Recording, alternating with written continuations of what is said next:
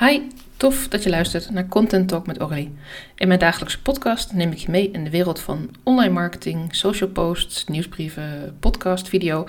Eigenlijk alles wat te maken heeft met hoe jij jouw kernverhaal gaat delen met jouw ideale klant. En hoe je daardoor dus ook uh, een bredere doelgroep kunt aanspreken.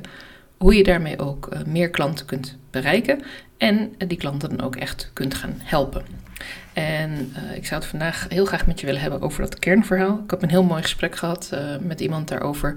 Um, naar aanleiding van een aantal inzichten die ik de afgelopen weken heb opgedaan.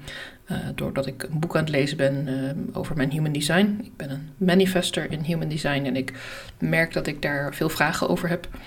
Uh, dat ik soms ook denk van, nou dat klopt helemaal niet en het past niet bij mij. Maar uh, ik heb het toen een tijdje laten liggen. Ik ben hier nu anderhalf jaar mee bezig, denk ik. Ik heb het een tijdje even weggelegd en ik heb het nu weer opgepakt. En ik merk dat het eigenlijk wel is wie ik ben. Alleen, um, zoals ook in het boek staat wat ik aan het lezen ben, ik ben geconditioneerd om uh, mee te draaien in het 9 tot 5 ritme. Om mee te draaien in het ritme van andere mensen die op een andere manier werken, die op een andere manier leven dan ik, die op een andere manier hun energie kunnen verdelen. En dat leren om uh, te kiezen voor uh, ja, wat het nu is voor mij als manifester, um, betekent ook dat ik tot de realisatie ben gekomen dat ik eigenlijk iets heel groots in mijn leven mag gaan omdraaien. Waar ik eigenlijk altijd dacht, 80% is werk, 20% is rust, leer ik nu dat ik eigenlijk naartoe mag, 20% is werk, 80% is rust. Nou, misschien dat je nu ook even je mond openvalt en denkt, hoe dan? Nou, dat gevoel heb ik dus ook heel sterk. Maar ik merk wel aan alles dat het uh, wel beter bij me past. Ik ben namelijk uh, heel erg goed. Als ik lekker in de flow zit, kan ik heel erg veel werk verzetten in heel weinig tijd. Ik kan heel veel dingen bedenken, regelen, doen, uittypen, werken, bedenken.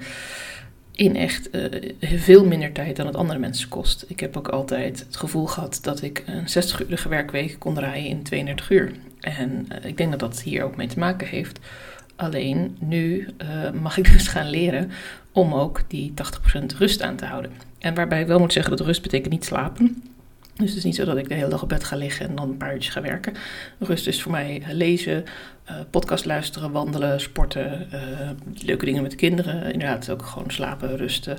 Maar ook uh, ja, meer ontspanning. En misschien dat ook een stukje van mijn werk ook wel onder die rust kan vallen. Maar ja, dat moet ik dus nog gaan uitzoeken. En dat leren over mezelf is ook een stukje leren trouw zijn aan mezelf. En trouw zijn aan de manier hoe ik zelf ben en hoe ik zelf leer en hoe ik zelf uh, goed kan functioneren, ik mijn energie goed kan verdelen. En dat is ook iets wat ik uh, klanten heel erg gun. Als ik met jou aan het werk ga, dan gun ik het jou ook heel erg dat jij vanuit je eigen verhaal uh, mensen gaat aantrekken. Want wat je vaak ziet wanneer mensen denken aan marketing, dan hebben ze een bepaald beeld daarbij. Dan denk je bijvoorbeeld, ik moet uh, zoveel keer posten per week op LinkedIn of op Instagram. Of ik moet en zal video's gaan opnemen. En dan het liefst ook buiten. En dat ik gewoon ehm, zonder care van wat andere mensen van mij vinden, mijn verhaal ga inspreken op camera. En dat vind ik eigenlijk doodeng. En het past helemaal niet bij me, maar ik ga het toch doen. Want er is nu zo'n trend dat iedereen dat doet. Net de Ice Bucket Challenge was een trend. En zo zijn er vast nog wel meer dingen die je misschien langs hebt zien komen. Waarvan je of heel enthousiast werd of een beetje dacht van nou, waar zijn die mee bezig?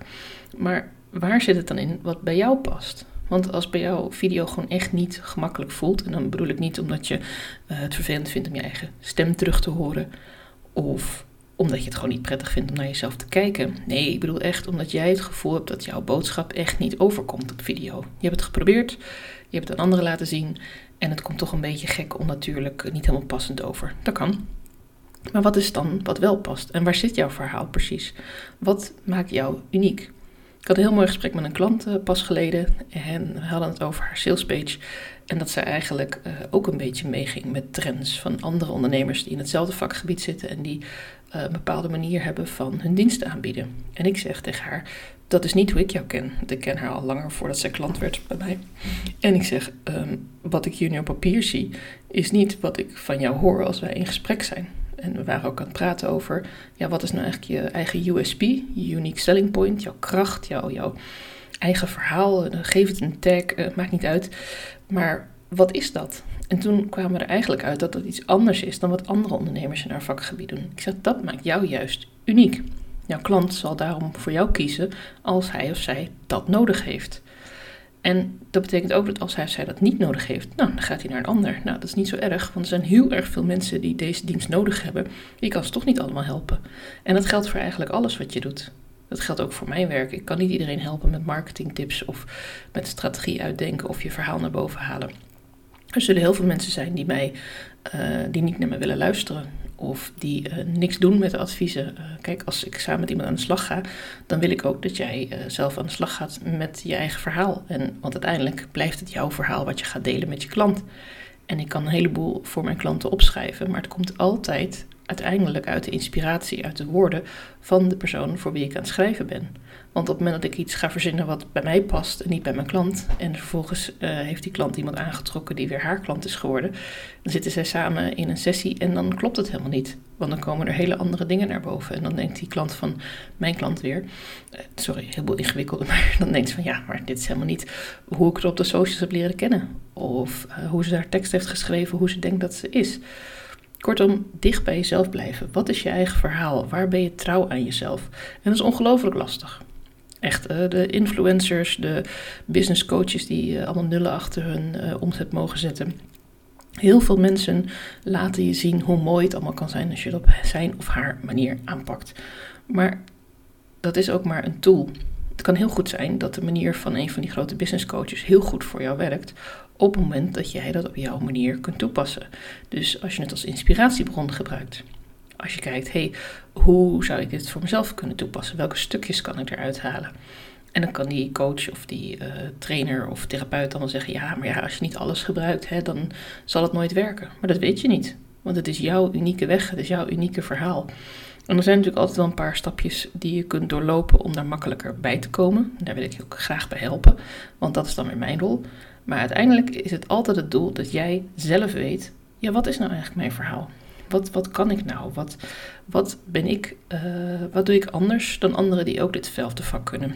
Uh, op welke manier lever ik mijn werk af? Op welke manier overleg ik met mijn klanten? Op welke manier uh, luister ik? Of, of, geef ik juist advies? Of hoeveel uur werk ik hier aan?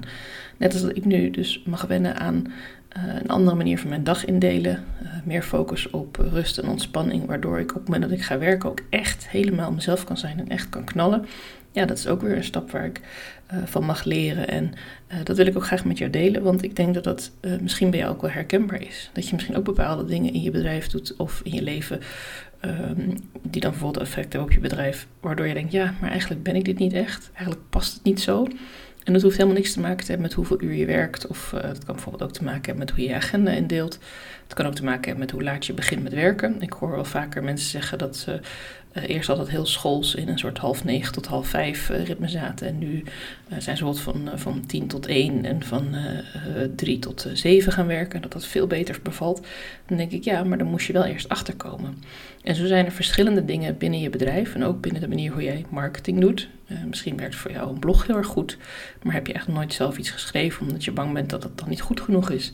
Omdat je de lat meteen heel hoog legt. Misschien past bij jou uh, heel vaak hele korte posts op Instagram of op LinkedIn plaatsen juist heel erg goed. Of juist langere posts of reels of filmpjes. Maar om daarbij te komen mag je eerst aan jezelf de vraag stellen: oké, wie ben ik? En wat is mijn kracht en waar ben ik trouw aan mezelf en hoe ga ik dat eruit halen? Nou, wil je daar met mij een keer van gedachten over wisselen? Dat kan. Plan gewoon een sessie met me in. Dan uh, gaan we kijken waar zit nu jouw kracht in.